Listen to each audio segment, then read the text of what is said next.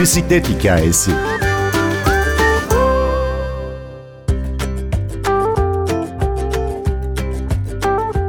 Bir bisiklet hikayesinde bugün tarihte bir yolculuğa çıkıyoruz.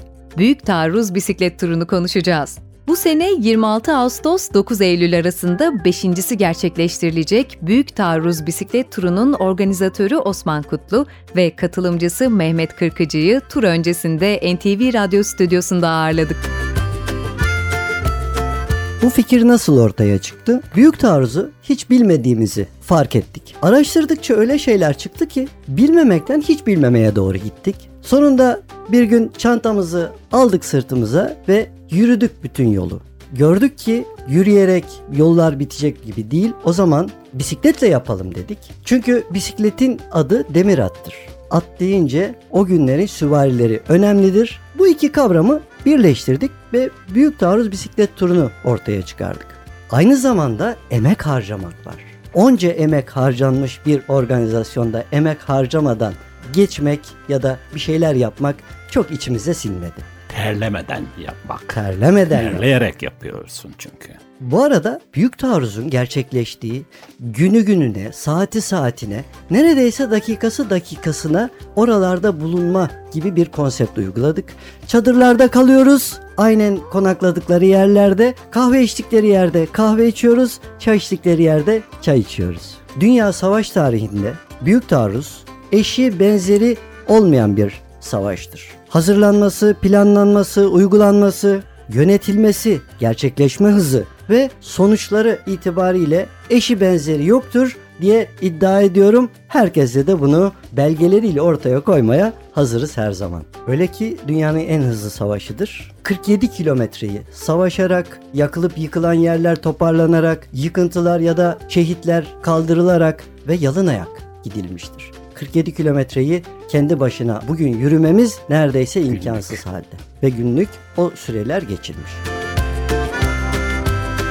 İnanılmaz derecede bilinmeyenler var. Acı olayları hep konuşuyoruz ama çok daha enteresan bir olay var. Hepimiz İzmir'in işgalinin ardından ilk protesto mitinginin İstanbul'da yapıldığını sanırız. Aslında öyle değildir.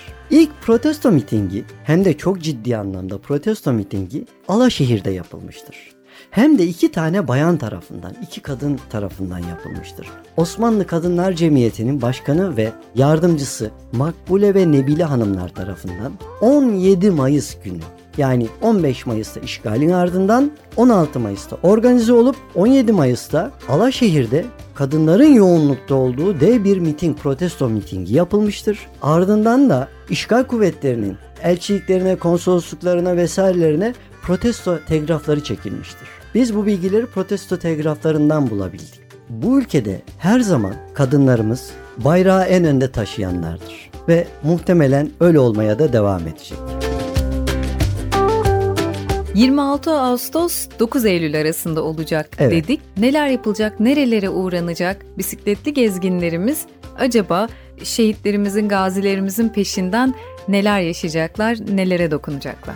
26 Ağustos sabahı Atatürk'ün Kocatepe'deki karargah olarak kullandığı mevziden yola çıkıyoruz. Hemen e, ardından Agah Efendi diye bir kahramanımız var Yüzbaşı Agah Efendi. Onun şehitliğine uğruyoruz. Oradan Ürkütlü Ahmet'e gidiyoruz.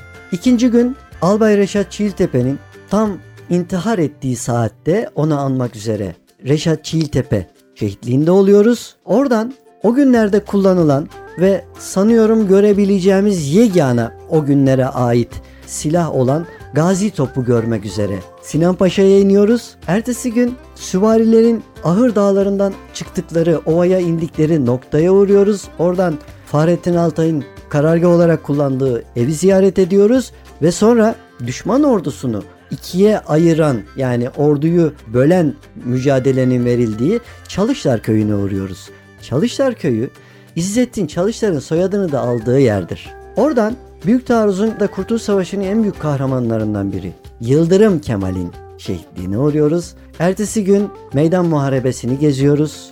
Çok anlatılan, çok bahsedilen Kanlı Köprü ve şu anda yolu izi maalesef kalmamış olan Kanlı Köprü'ye gidiyoruz. O günlerde yapılmış olan meçhul asker abidesini, bugünkü şehit sancaktar anıtını ziyaret ediyoruz ve oradan Kaplangı'ya çıkıyoruz. Kaplangı Dağı'na tırmanıyoruz. Şehitlerimizi anıyoruz. Oradan Trikopis'in Murat Dağları'ndan kaçtığı noktaya çıkıyoruz ve Trikopis'in yolunu değiştirerek Franco, General Franco ile birleşmesine engel olan, canını vererek engel e, olan Çeçeli Karamurat'ın şehitliğine uğruyoruz. Oradan Uşak'a gidiyoruz. Uşak'tan Ulubey'e ve belki de Türkiye'nin elindeki en enteresan yere Takmak köyüne uğruyoruz.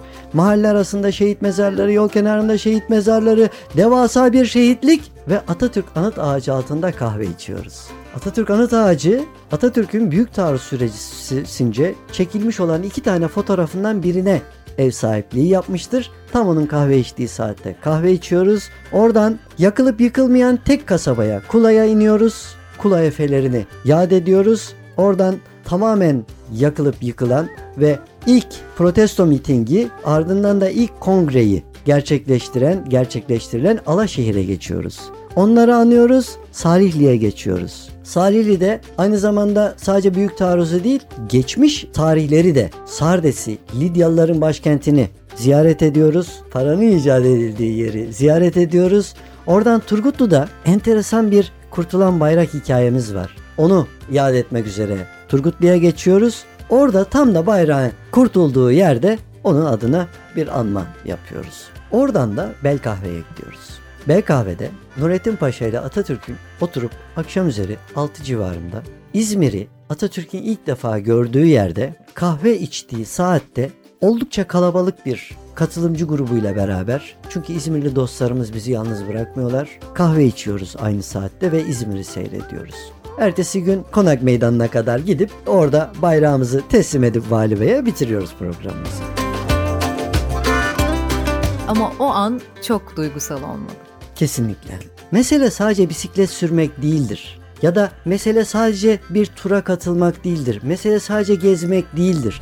Oradaki o ruhu ya da oradaki bir amacı birleştirebilirseniz onunla o zaman bir şeyler farklılaşmaya ve anlam kazanmaya başlar. Biraz da Mehmet Bey'den dinlesek. Geçen sene ilk kez katılmışsınız ve eşiniz hanımefendiyle beraber katılmışsınız. Kaç yaşındaydınız bu tura katıldığınızda? Bu tura katıldığımda 57 yaşındaydım. İşte eşimle beraber 3 sene önce aktif olarak bisiklete binmeye başladık. Doğduğum, büyüdüğüm topraklar bu Ege bölgesi. Büyük taarruzun geçtiği alanları ana yoldan çok geçmişimdir. Yani sayısını unuttum. Afyon İzmir arasında. Ancak aradaki yolları da hep merak etmişimdir. İşte Kurtuluş Savaşı buralarda geçti ama hangi yerde ne yapıldı? Bu düşünceyle geçen sene internette araştırırken Aa, büyük taarruz bisiklet turu var. Eşime de dedim ya bak hanım burada büyük taarruz bisiklet turu var. Gider miyiz? Ya gidelim ama 15 gün dayanabilir miyiz? O yolları geçebilir miyiz? Dağlar bayırlar çıkılıyor. 15 gün biz bisiklet sürebilir miyiz? diye böyle hem konuşuyoruz hem telaşlanıyoruz. Gidelim mi gidelim dedik. Çıktık. İlk iki gün biraz sıkıntılıydı. Hele Çiğiltepe tırmanış bayağı bisikletli olarak sıkıntılı, antrenmansız olanlar için. Ya, yarısını yaya çıktık, yarısını e, arabayla çıktık. Bu arada ben bypass ameliyatlıyım. 10 sene oldu bypass ameliyatım. Ama çıktık. Ondan sonra baktım ki aa Çiğiltepe'ye böyle de çıktık. Bundan sonra da gideriz. Zamanında askerlerimiz buralarda yalın ayak dolaşmış. Biz bisikletle gidiyoruz. Hem kültür hem bisiklet hem tarih ikisi birden, üçü birden olunca tadından yenmiyor. Büyük Taarruz bisiklet turunun organizatörü Osman Kutlu ve katılımcısı Mehmet Kırkıcı anlatıyordu.